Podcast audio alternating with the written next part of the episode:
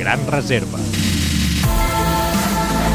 Avui fa 186 anys de la primera edició de la regata entre les universitats d'Oxford i Cambridge. Once again, the boat race and the towpath of the Thames astir with excitement.